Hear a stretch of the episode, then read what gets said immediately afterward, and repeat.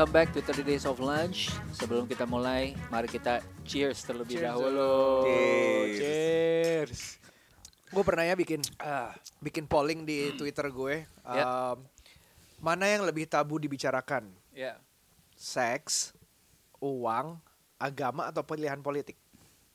Apa yang paling tabu hasilnya? Masih seks. Masih seks. Nomor dua, gue masih seks. uang.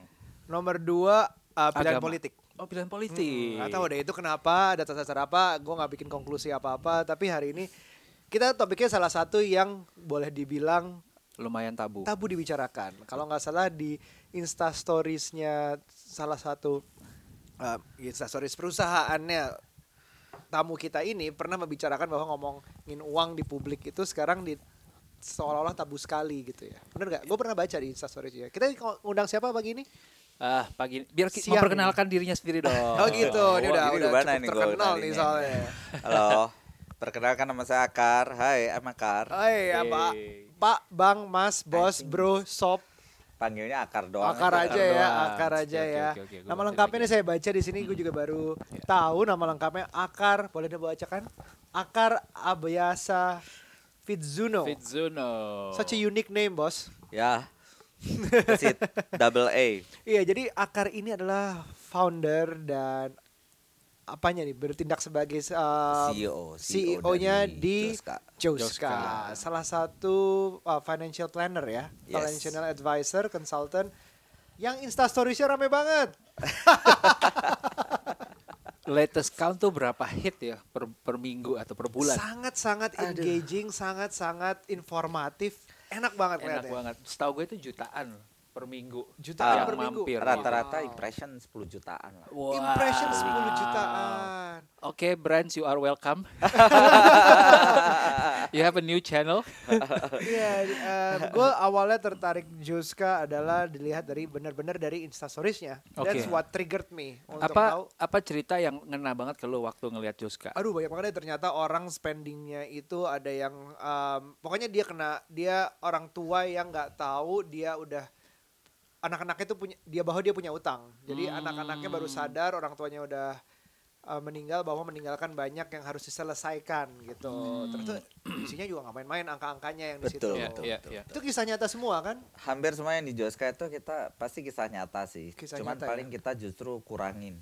Kurangin. Sama kita editnya itu misalkan kayak usianya, jenis kelaminnya, pekerjaannya suka kita edit Iya. dikit. Iya, iya, iya. Itu salah satu uh, Instagram account yang waktu itu gue rekomen untuk di follow. Thank you Yes, ya. Ra. yes, Ah, yes, karena yes, yes. I, I didn't know you back then. Oh, iya. I didn't Iya, know iya. anyone from Juska. Gue cuma Iya. direkomend oleh Ruby. Ruby yang udah kenal duluan tentang Iya, iya. Juska ini. Gimana Rub? Gua em, lucunya ketemu dengan Mas Akar waktu itu. Waktu itu belum ini ya Mas ya, kayaknya belum sampai 10 juta ya. Belum, belum, belum, belum, days. belum, belum, Belum, masih puluhan Kayak ribu ya ketemu lo kayak masih berapa ya? Masih belasan ribu. Belasan kali ribu. gitu ya. Apa followers apa impressions?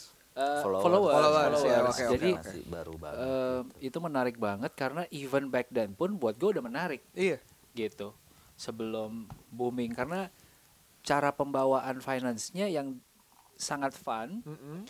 Eh praktikal eh, dan kontekstual gitu. Case by Iya. case-nya tuh menarik banget gitu. Bahwa nggak bisa dibikin satu template yang sama untuk solusi buat semua Betul. gitu. Dan dan banyak case-case yang menarik lah. Iya, memang memang Insta Stories itu bisa bikin orang lebih uh, engaging karena bisa balas secara private, Iya. terus lebih personal juga Betul, kadang-kadang betul. minta Ah. dihapus nggak apa nggak disebut namanya Ya, itu juga tap- bisa dilakukan.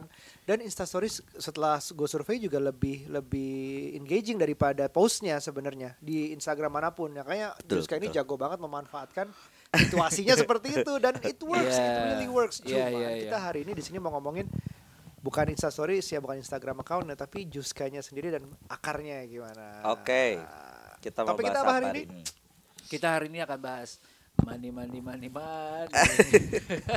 Atau kalau bahasa filmnya itu yang Tom Cruise itu apa namanya?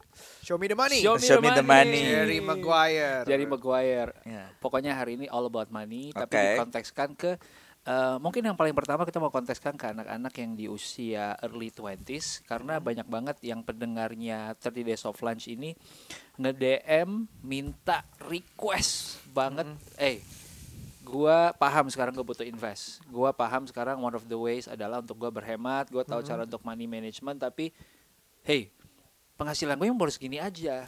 Terus gimana? Emang bisa gua invest dengan penghasilan segini gitu untuk first jobber gitu?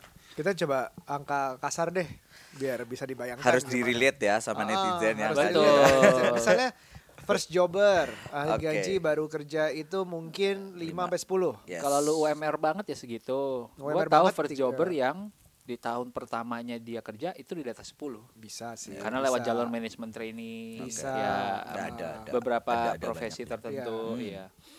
Ada juga tapi ya udah let's keep it 5 to 10. 5 to 10. Alright. That's the safest karena juga dibikin 5 to 10 itu agak agak mungkin yang dirasakan agak susah untuk invest karena 5 to 10 itu. Mungkin Exactly. kalau Iya. Kalau di 10 ke atas itu tinggi, mungkin lebih mudah. gampang invest. Iya. Gimana gimana Kar? Sebenarnya gini nih, ada satu hal yang semua mau saya kampanyekan lagi lebih jauh karena banyak orang itu fokus banget kalau mau investasi fokus on return Hmm. Oke. rather than the process. Hmm. Ya pastilah ya kebanyakan orang masih pengen untungnya berapa nih, akan balik Betul, berapa. Betul, Ha. betul. Nah, sebenarnya justru hal itulah yang salah. Oke. Hal itulah yang membuat kenapa tanda kutip perampokan di industri finansial itu sangat mudah Oke. Uh, dan terus menerus terjadi. Karena memang kita eh, banyak banget perampok itu. Saya nyebutnya perampok aja ya. Perampok di industri Perampok ini ya. gitu ya. Iya, Oke. iya. Ya, di berbagai tipe investasi atau apa pun, memang yang digunakan pendekatannya adalah pendekatan psikologis. Hmm. Jadi orang dimainin aja gridnya, serakahnya sampai seberapa jauh, terus Iya, iya, dibing- betul, betul. dibikin mereka punya fear of loss gitu ya. Jadi Ah. kayak takut kehilangan sesuatu. Ini menarik banget, menarik Nah. banget. Padahal esensinya justru jadi investasi itu saya nggak peduli numbers buat dimulai. Tapi saya lebih peduli sama kita secara sadar naikin skill sebagai investor. Hmm. Hmm. Ini mungkin saya kasih contoh sederhana ya. Oke. Saya pernah dalam satu masa itu membuat uang saya double lima kali. Itu hanya perlu 8 bulan. Oh wow. Double lima kali nih ya, nggak sebut nggak sebut angka ya. Semua orang mau dong tuh dengan Ya kayak gitu. pasti, semua orang mau. Hmm. Tapi eh, perjalanan saya mengerti bagaimana mendobel uang lima kali itu bertahun-tahun. Hmm. Banyak hal yang kita kerjakan, gitu. Hmm. banyak yang saya pelajarin. Karena esensinya sebenarnya jadi investor itu sekali lagi, saya nggak nemu korelasi jumlah duit yang diinvestasi sama hasil investasi di belakang. loh. Hmm. Tapi saya selalu nemu korelasi skill orangnya. Hmm. Oke. Banyak loh yang punya angkanya besar jadi investor end up they are going nowhere atau Iya. bahkan minus bahkan hilang itu Iya. banyak. Ya.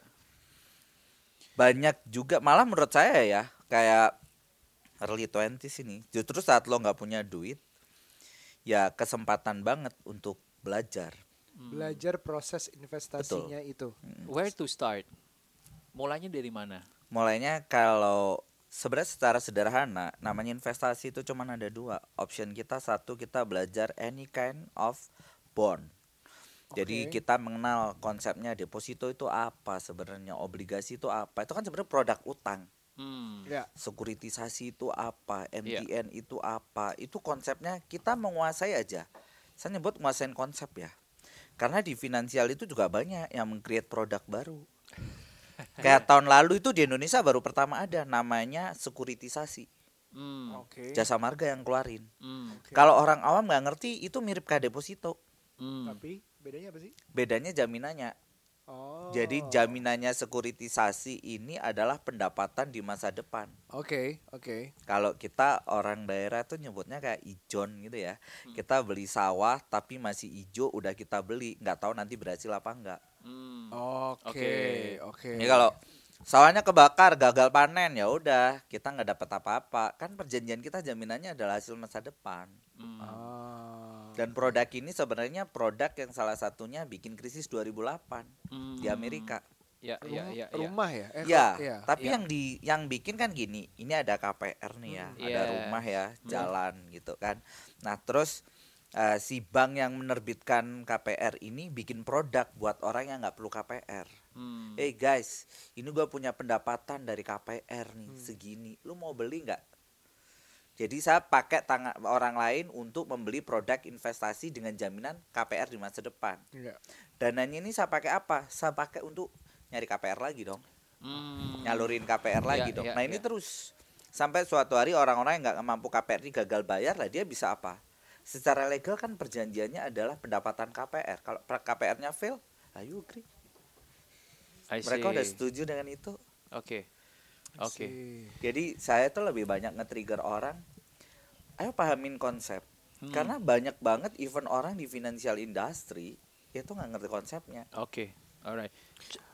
gue gue mau menarik nih soal yang eh, utang ini. Oke. Karena gue sempat baca satu buku. eh, so thanks to Joska juga, thanks to Mas Akar yang meng apa namanya, men-trigger gue untuk nyari lebih dalam lagi. Jadi gue banyak banget baca buku tentang finance. Ada satu buku yang gue senang Hebat. banget. Yang nulis tuh Yuval Noah Harari, which is yang nulis Homo Deus juga. Ya. Tapi dia nulis satu buku kecil, judulnya tentang money. Ah, jadi dia bilang begini, how does bank work? Oke, sebenarnya sebelumnya gue nggak pernah mikir ini, tapi ternyata menarik. Anggap nih Aryo, Aryo adalah ada Aryo dan Akar gitu ya. Hmm. Aryo ini adalah seorang kontraktor untuk Oke. bikin whatever lu mau bikin bisnis apa pun gue bisa bikinin. And Kontraktor. then Akar ini ini ngomongin kita lagi di tahun 70 80-an gitu Iya, ya. Oke, iya, iya. And then ada Akar yang mau bikin bakery gitu kan karena dia Oke. ngerasa wah di daerah ini seluruh Jakarta belum ada bakery yang bagus mau bikin bakery. Untuk bikin bakery gue butuh kontraktor untuk kerjain Oke. right? Eh, lo udah punya mo- modal satu juta dolar, alright? Eh, ini masih belum punya modal nih, Oke. Akar nih untuk bikin bakery nih kan. Nah satu dolar lo karena lo udah punya modal, lo taruh di bank, alright? Taruh di bank selesai, datanglah Akar mau bikin bakery, right? Dia perlu minjem duit dong, karena dia udah tahu mau bikin bakery itu butuh satu juta dolar untuk ngebangun. Iya dia nggak punya modal. Dia nggak punya modal. Hmm. Oke, jadi duit lu masuk ke bank, bank akhirnya meminjamkan satu juta, satu juta dolarnya Aryo ke Akar. agar untuk bikin bakery. Bakerynya jadi, alright. Dan ternyata yang terjadi ini adalah jadinya sekarang duit yang berputar ada berapa tuh? Ya. Ya kan dengan satu dolar yang sama itu menjadi penghasilan buat si bank, Bank. exactly. Dan itu juga menjadi Modal eh, buat modal buat bakery. si Dan bakery. sukses juga. Exactly. Dan Nah, gue baca ternyata bank itu di US diizinkan untuk melakukan ini sebanyak tujuh kali muter. tujuh Jadi kali satu juta dolar yang sama boleh diputerin tujuh kali. Gitu. Oke. Nah, ah, gue nggak tahu sih ini ini ada hubungannya nggak, tapi for me itu konsep utang yang menarik banget bahwa kita memang ketika ngasih duit kita ke bank, bank itu punya hak untuk ya lu ngelihat di future Betul. gitu. Makanya kalau kita belajar ekonomi makro, yang namanya pertumbuhan, pertumbuhan itu sebenarnya adalah harapan. That's not real. Iya. Misalkan gini, harga tanah naik, siapa yang naikin? Appraisal, KJPP, nggak bener-bener naik. Ada harapan yang menaikkan. Hmm. Ngerti ya? Oke. Makanya grafiknya pasti begini nih. Dan untuk memenuhi harapan ini, orang itu kan mesti pinjam dari masa depan. Dari sinilah munculnya utang. Ah, Jadi yang namanya event kayak diceritain Ruby tadi, bank itu memang secara sistem namanya adalah eh, intermediate person gitu ya. Iya. iya. Pihak tengah yang memang kerjaannya dia menggabungkan karena Ar- Aryo lagi bingung, dia nggak tahu duitnya harus diapain, pilihan dia taruh bank sementara. Dan Iya. bank lihat "Eh, ini orang pada bingung duitnya diapain. Gua tahu sih orang lagi butuh kan. Gua pinjem Hmm. kan. Nah, ya udah disalurin. Iya. Jadi sebenarnya itu ini yang mendasari nanti sampai masa depan sekarang muncul blockchain. Yes. Yes. Nah, itu Ini satu yang sejarah harus- sebenarnya. Tapi sebelum sebelum kita ke masa depan yang ngomongin blockchain, gue gue gue gue yang udah di bagian cerita itu paling menarik buat gue adalah gue punya satu juta dolar. Iya. kita kita balik lagi. em, apa yang a- karena tadi katanya eh, Ruby sempat apa mulanya mulainya dari, Dari mana? Kalau tadi kan memahami konsep konsep ah, tapi kan exactly. belajar itu pun uh, lis- even listening to this gue mungkin ngerti sekarang besok lupa gitu Ya. mungkin yang harus di exactly yang Lakukan. harus dilakukan itu apa apakah sambil belajar itu sambil benar-benar melakukan investasi misalnya salah satu bentuk investasi yang ada mau itu apalah emas lah atau apa itu dilakuin aja atau gimana actually mulainya gimana atau dipercayakan bahkan ke Pihak satu ketiga. company pihak ketiga atau misalnya financial advisor atau gimana gitu Kalau secara teknis, jadi kan tadi niatnya kita penting orang punya konsep, Iya. ya, ngerti konsep. Iya. esensinya adalah bertumbuh. Ya.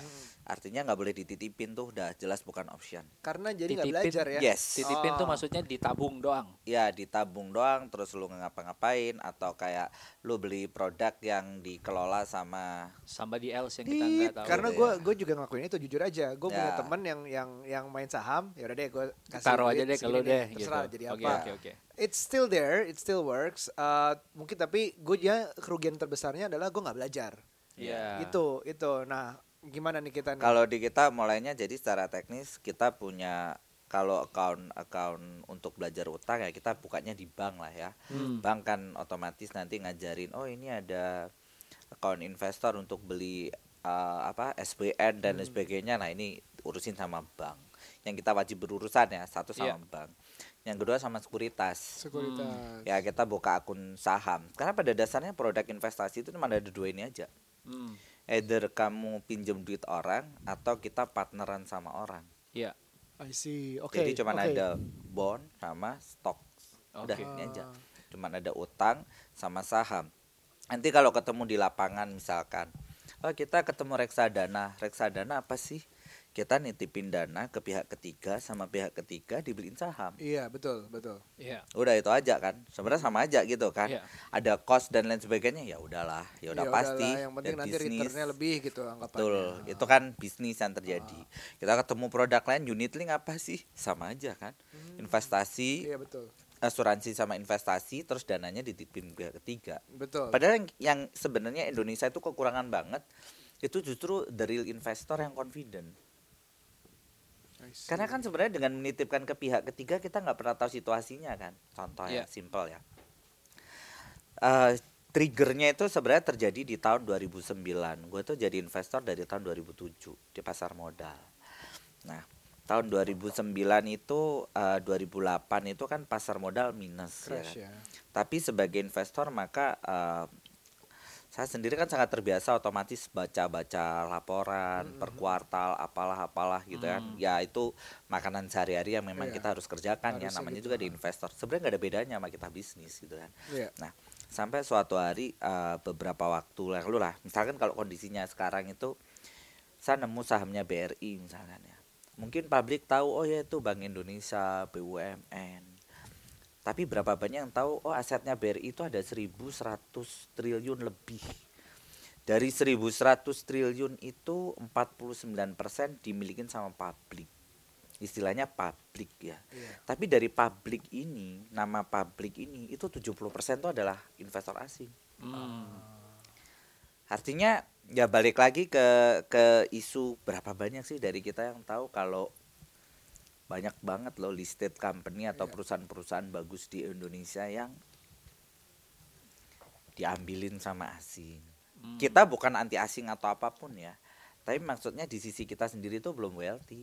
Hmm. Iya Ya betul. kan lebih baik kan kalau itu didistribute dulu ke kita ke kan, kita masalahnya. dulu. Betul. Oke, dalam makanya komposisi yang enak lah I nggak gitu. Alright, alright. Iya, jadi gue punya pengalaman untuk naro sebagian di temen gue yang terus Iya, akhirnya gitu, iya, gue nggak iya, belajar. Tapi iya. gue juga ada momen di saat gue mau belajar, gue dibukain rekening buat naro beli saham, jual beli saham, dan gue ngikutin sehari-hari saham mana yang bagus dan dan jelek itu pains in the you know Pain in akhirnya the untuk ass. untuk baca untuk baca semua laporan gue nggak ngerti akhirnya boleh dibilang jadi ya kalau satu yang terlalu jauh nggak ngelihat nggak belajar Hmm. yang satu mau belajar sok segitunya akhirnya juga gue gagal Hmm. itu juga yang sekarang menjadi PR yang saya lagi kerjakan sama Joska sih. Iya. Jadi memang kita ketemu karena kita udah bertahun-tahun di comfort zone kita nggak belajar, terus begitu diajakin belajar banyak yang bingung kan, ketubruk-tubruk Iya, gitu ya. Ya. Padahal esensinya jadi investor tuh sederhana banget kan. Waktu kita mau beli company, sebenarnya kayak kita mau pacaran aja. Kita nggak kayak trust gitu loh. Kita kan nggak mungkin ya percaya orang cepet eh baru kenal say Iya. hi dulu, terus nanti oh ya makan bareng.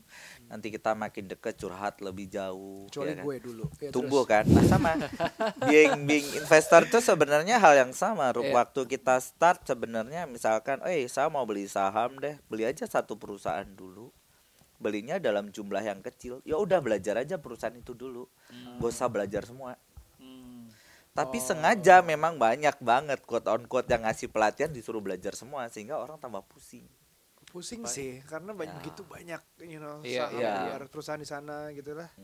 Oke. Padahal itu eh, sebenarnya kan eh, dengan bahkan saya punya ya satu klien yang dalam kurang lebih dari 2012 nih ya sampai Hmm. sekarang dia tuh cuman punya 5 emiten blue chip gitu ya. Beberapa itu BUMN nggak pernah diapa-apain yuk.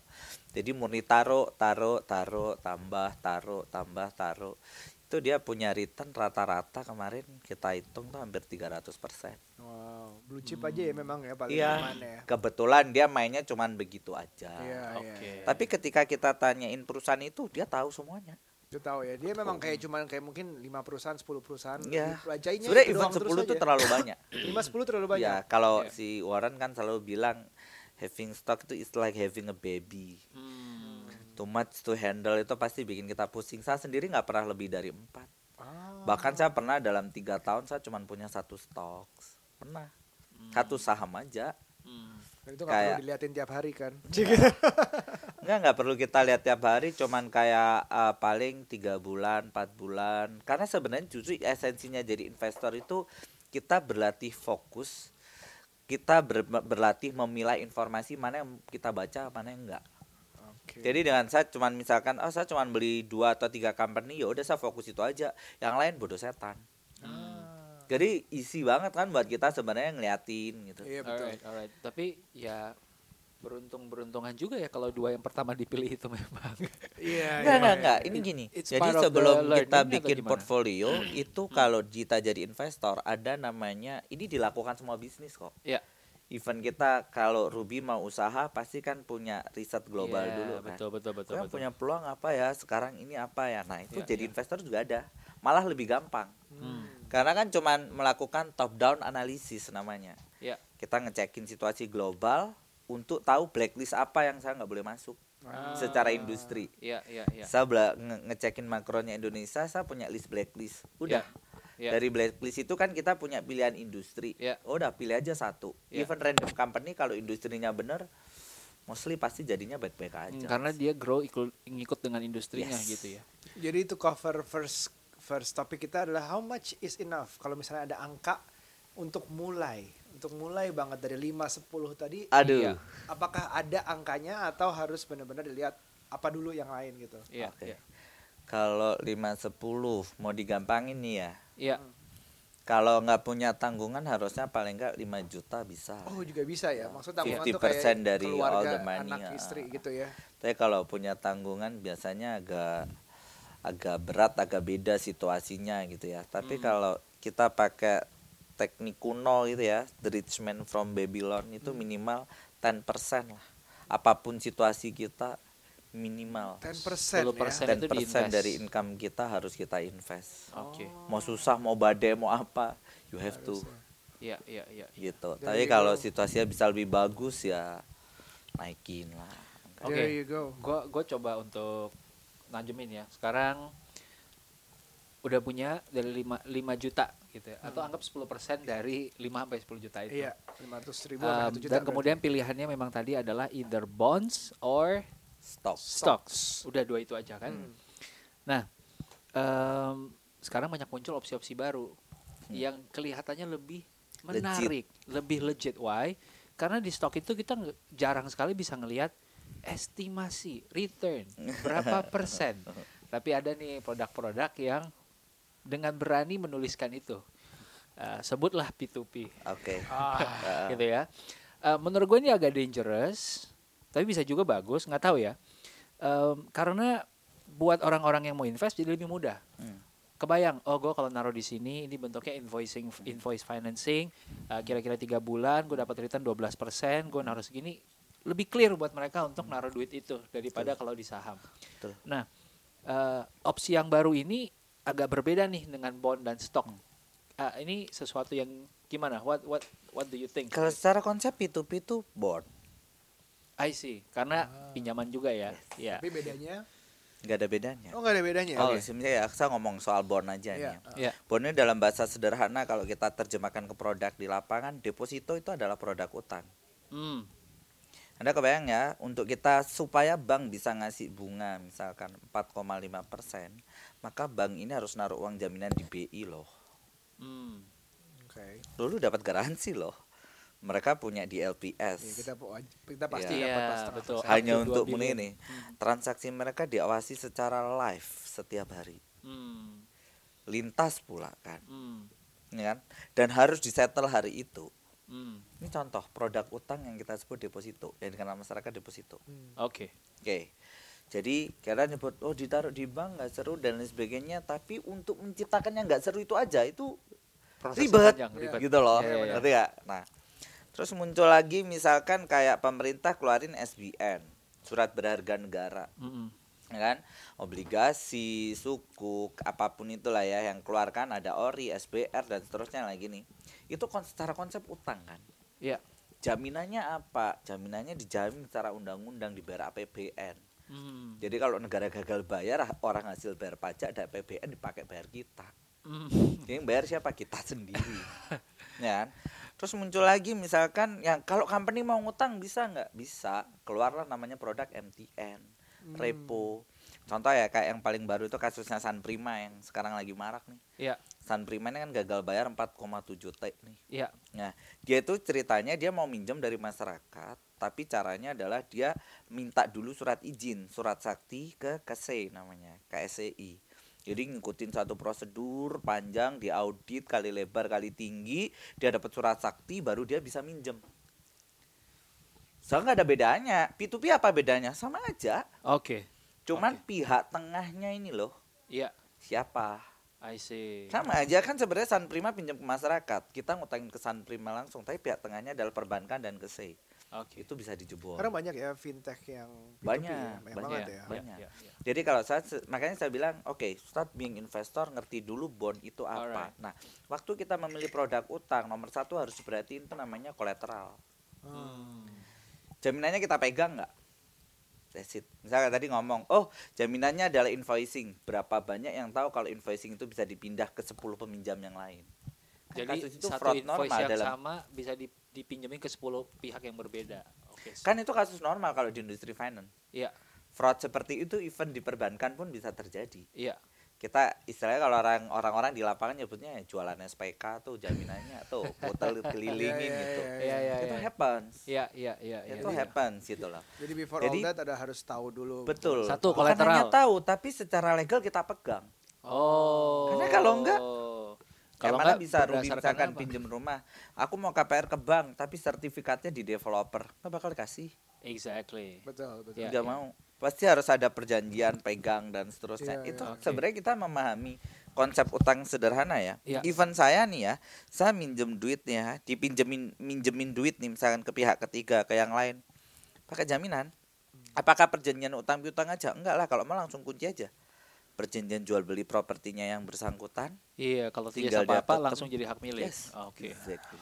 Esensi kita mengerti produk utang itu sebenarnya kita memahami legalnya. Oke. Dan di semua produk utang itu ada yang namanya five C's in credit kan. Tapi paling atas saja lah saya simplify. Paling Collateral. tahu orang mesti tahu itu jaminannya apa. Hmm. Kita pegang nggak? Wah, dangerous tuh karena banyak fintech yang kayaknya kolateralnya. Dan anyway sebenarnya kan eh, ini tanpa bermaksud bagaimana bagaimana gitu ya. Tapi memang kalau kita mau googling sekarang kan Iya. eh, di China ini udah krisis gara-gara fintech hampir Fintech. dua, hampir 20% dari dana perbankan di fraud.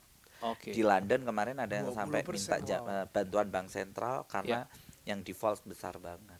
I see. Saya selalu bilang kayak gini loh. Ya nggak apa-apa sih produknya mau diganti produk utang model apa pun terserah. Iya. Tapi kita harus ngikutin proses legal yang tepat lah. I see. Nanti nggak ada halangan kan misalkan Ruby pinjam ke saya sah nggak lewat fintech sah tapi kita bikin PPJB ya Rub misal. Iya. Ya itu kan leg- legalnya nggak dilanggar dong. Iya, Tapi kalau iya. segera Ruby pinjam duit nih ke saya, terus kemudian jaminannya apa ini PPJB apa jaminannya eh, apa sertifikat rumah tapi Iya. cuma saya tampilin. Hmm. Iya. Bisa pak? Oh, kalau gua gagal bayar lu bisa apa? Perdata paling, Iya. Hmm. ya kan? Iya, iya, balik. iya, iya, iya. Nggak ada. Kalau Iya. nggak ada jaminan, karena kita harus tahu loh ya kasus kasus kasus pinjaman itu kasus-kasus perdata sangat sederhana. I see. Menarik nih. Ini Alright, podcast ini mudah-mudahan berguna buat orang yang mau mikir invest di P2P invest berarti. di P2P gitu ya part of the uh, salah satu bahan pertimbangan gitu ya Saya selalu bilang kalau orang kalau mau invest yang sifatnya utang, selalu tanya pertanyaan pertama adalah kolateralnya Collateral apa. jaminannya Jangan ya. tanya Ah, returnnya berapa. iya Return berapa gampang di create. I see Even kayak di bank kita minta deposito spesial rate kan juga bisa. bisa betul iya, iya, iya. oke oke Tapi oke selalu pertanyaan pertama adalah jaminan lo apa ngutang ke gua? Hmm, Betul. Tapi kalau itu nggak di tangan, bye dah. right, oke right. Apa lo mau Lu mau lu mau ngapain? Lu gak mau nyesel kan? Gue mau nyebut nama sebenarnya, tapi jangan jangan. Jangan, jangan, jangan. offline aja, offline. gue gue gue mungkin geser sedikit. Karena tadi udah 5 sampai 10 juta kita bisa pilihan bond uh, dan saham which is P2P juga actually it's Yeah. part of bond in the concept. Uh, mungkin teman-teman first thing first adalah yang tadi yang udah Akar bilang. Langsung aja uh, bersahabat dengan bank. Pertama untuk build belajar tentang konsep utang itu. Yang kedua adalah punya akun uh, Saham. saham. di sekuritas percaya di mana aja lah ya coba Bebas, Bebas. sebisa mungkin yang, yang, Yang- pakai platform online lah. Iya betul. kita nggak dan dikejar-kejarin kalau bro. bisa betul, betul. yang transaction fee-nya paling nggak low kalau misalkan Ya. kalian concern sama itu. Kayak biasa soalnya jual beli saham tuh ada ada ada fees-nya gitu ya. Berikutnya, kalau gua menurut gua nih ya, kalau di umur 20-an I think harus dibalance antara investment yang bentuknya memang bond atau saham tadi sama investment yang lebih penting menurut gua investment ke diri sendiri sih. Gue setuju kalau Betul. itu. Exactly. Exactly. Wajib. Apalagi Karena- masih belum punya tanggungan. Iya. Karena masih punya tanggungan gitu. Waktunya Masih ada banyak yang menanggung banget. beberapa Ah, ah, masih loh. ada yang menanggung gitu. Exactly karena eh, di o- salah satu kan pilihannya menurut gua kalau disimplify dua nih antara lo mengurangi pengeluaran lo sehingga lo punya lebih banyak duit yang bisa lo Ya. invest atau lo tambah penghasilan lo Betul. gitu. Gua sama Aryo sempat ngobrol di awal-awal. Kita bedanya tuh lumayan jauh in terms of Aryo gimana ya kalau Aryo yuk I rather make money than save money. Dah. Gitu. Jadi gue Head selalu on. ya, Head on. maunya maunya sih uh, spend tuh kayak nggak terbatas gitu. Gue nggak Iya, punya iya, batasan iya, batasan iya, mikir iya. kalau spend. Tapi in order to do that, I need to make more money gitu. Exactly. And you don't mind working as hard. Pokoknya gue pengen gue harus sampean dan gue kerja lebih keras aja. Betul, Gitu. Iya. betul itu. Ya ya ya. Kalau gue lebih yang menjembatani dulu, gue tahu gue pengen itu. Um, gue mau kerja keras juga untuk nyampe ke Betul. sana. Tapi gue pengen lebih cepat lagi. Bisa nggak gue lebih cepat kalau gue juga menghemat? Ya, gitu. Oke, betul betul. Bisa jadi gitu Eh, kan. I karena- don't know gitu. Emang balik lagi ini kan save versus invest ya. Exactly. Yeah. Boleh dibilang um, untuk kaya lo bisa kurangin cost lo Iya. a- atau banyakin revenue Iya. atau dua-duanya sekaligus Iya, iya, gitu. iya, iya. Ada tapi kita balikin lagi ke orangnya itu seperti apa. Iya. Dia jago nggak uh, ngelihat pengeluaran per bulan tuh. Um, gue coba tuh aplikasi yang untuk nga- ngelihat berapa Akhirnya lama? Aryo Oh coba. bertahan berapa lama? Gue bertahan akhirnya dua minggu udah. Dua minggu abis itu udah. Gua berusaha off. dari 95% market. Yes, betul. Tiga, gue beli kopi tiga puluh ribu, lima puluh ribu, catat. It for two weeks Hmm. lah, boleh dibilang. Itu aja udah gue kurang-kurangin. Cash enggak mungkin, yang Iya. cuman dari bank aja. Yang gitu-gitu udah coba, tapi susah. I Hmm. rather make, oh, ah bisa nih gue deketin untuk klien nih. Iya, Ada ada iya. ada bisnis lagi nih, bisa Iya, nih iya. gue udah make money, baru gue, Iya. udah make money aja lebih. Jadi lu kayak fokus gitu. on how much you are mm, ah, berapa banyak yang masuk daripada Yes. lu fokus ke berapa banyak yang keluar. Betul. Gitu. betul, yang penting masuk gua. yang lebih banyak daripada keluar. Yang penting itu. Udah, itu aja Iya, gitu ya. betul. Oke, oke. That's fair enough, fair enough. Jadi mungkin teman-teman bisa mulai mikir, gue tuh lebih gaya yang ke mana ya? I'm, I'm so bad at at uh, you know menghemat dan mencatat apa ya pengeluaran gue itu malah bikin gue stres. Iya. Kalau bikin gue stres, dari gue bener ya. Gue nggak bisa menghasilkan Iya, gitu. iya, gue iya, nggak bisa iya, kerja iya. bener kalau Iya, udah iya, mikirin iya. costnya untuk ini berapa tar dulu. Kecuali bisnis ya. Iya, kalau iya. bisnis kan ada tim yang untuk bikin um, Ada orang pengeluaran berapa. finance Ada lah costnya berapa. Hmm, itu harus iya, iya, harus iya, dibikin. Cuma kalau pribadi stress me out untuk Iya, itu iya, keluar iya. berapa. Wha- What do you what's your comment on this, Mas? Kalian kawin aja sih ya. Kalau kalau aku memang berusaha untuk di tengah dan realistis. Jadi gini, kalau di financial advisory itu namanya cash flow therapy. Hmm. Cash flow therapy itu memang sangat tergantung sama risk profile sama current financial statement. Ada beberapa tipe yang sesuai risk profile-nya itu nggak cocok disuruh berhemat. Hmm. Oke. Hmm. Tapi kalau dia nggak bisa cari lebih, berarti itu ada namanya shock terapi khusus ya supaya investmentnya tetap jalan. Ada beberapa teknik gitu kan. Hmm. Nah tapi kalau secara ngomong ekonominya di Indonesia, kalau saya ngomong kayak Aryo ini tadi ya Iya, iya, spender iya, abis tuh iya. kalau di Jepang jadi masyarakat teladan Iya. gitu ya. Yes. Karena di Jepang itu semua orangnya kelewat Iya. hemat, bahkan Terlalu sampai hemat. betul, Betul. terlalu hemat sampai pemerintahnya itu mendorong supaya orang mau Spend. konsumtif kan. Jadi Iya, ya kalau nabung itu malah- bakal jadi wali kota teladan mungkin. dia nggak ada sel-selnya yang sampai berebutan gitu di Jepang Nggak tuh nggak bakal sampai ada tuh. Nggak bakal ada. yang ada just tip just tip untuk sel. nggak ada. Tapi kalau ngomong di Indonesia memang kita pasti mix. Kita nggak bisa terlalu konsumtif karena somehow memang negara ini butuh pembiayaan. Hmm. Oke. Nah, pembiayaan itu didapat dari mana? Dari masyarakat yang bayar pajak dan masyarakat yang investasi di produk-produk negara ya. Ya kita balik lagi uh, kepada prinsip yang membantu perkembangan ekonomi negara adalah spender ya. Ya, Banyaknya spending yang dipakai. ya, spender gitulah. ya. Yang membantu pembiayaan negara betul. adalah orang yang bayar tax Ah, sama orang yang investasi di SBN. Oke. ah, Oke. Karena kalau nggak ada yang investasi di SBN kan kacau juga ya. Kacaunya dalam artian gini. Utang utang itu kalau buat negara kayak Indonesia selalu available dari asing. Asing tuh ngeliat Indonesia kan bahagia banget ya. Iya, iya, iya. Eh, even ya ke beberapa hari yang lalu saya ketemu sama temen eh, profesor dari Amerika waktu acara IMF di Bali ya. Iya. Dia ngomong orang Indonesia tuh spendernya confidentnya gila kalau spending. Iya. Anda kebayang nggak sih waktu 9/11 di Amerika itu sampai seminggu nggak ada yang ke mall. Sampai gubernur bank sentralnya itu ngomong kayak gini kan, if you want to be a hero, right now for this country ya, all you have to do just go to the malls.